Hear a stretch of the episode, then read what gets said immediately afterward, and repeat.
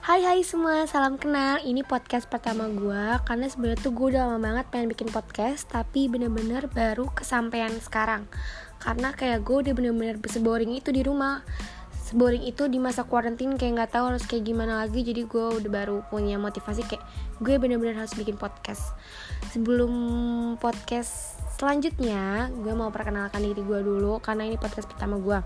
Nama gue Asya Samu, A S Y A S A M U tanpa spasi bisa dipanggil Asya, Aca atau teman sosmed gue bilang gue karamel. Karena gue keseringan minum karamel. Di mana pun itu gue suka karamel. Red velvet jangan lupa, cheese. Oh my god. Pokoknya ini podcast gue. See you bye. Jangan lupa dengerin ocehan gue yang gak bermakna.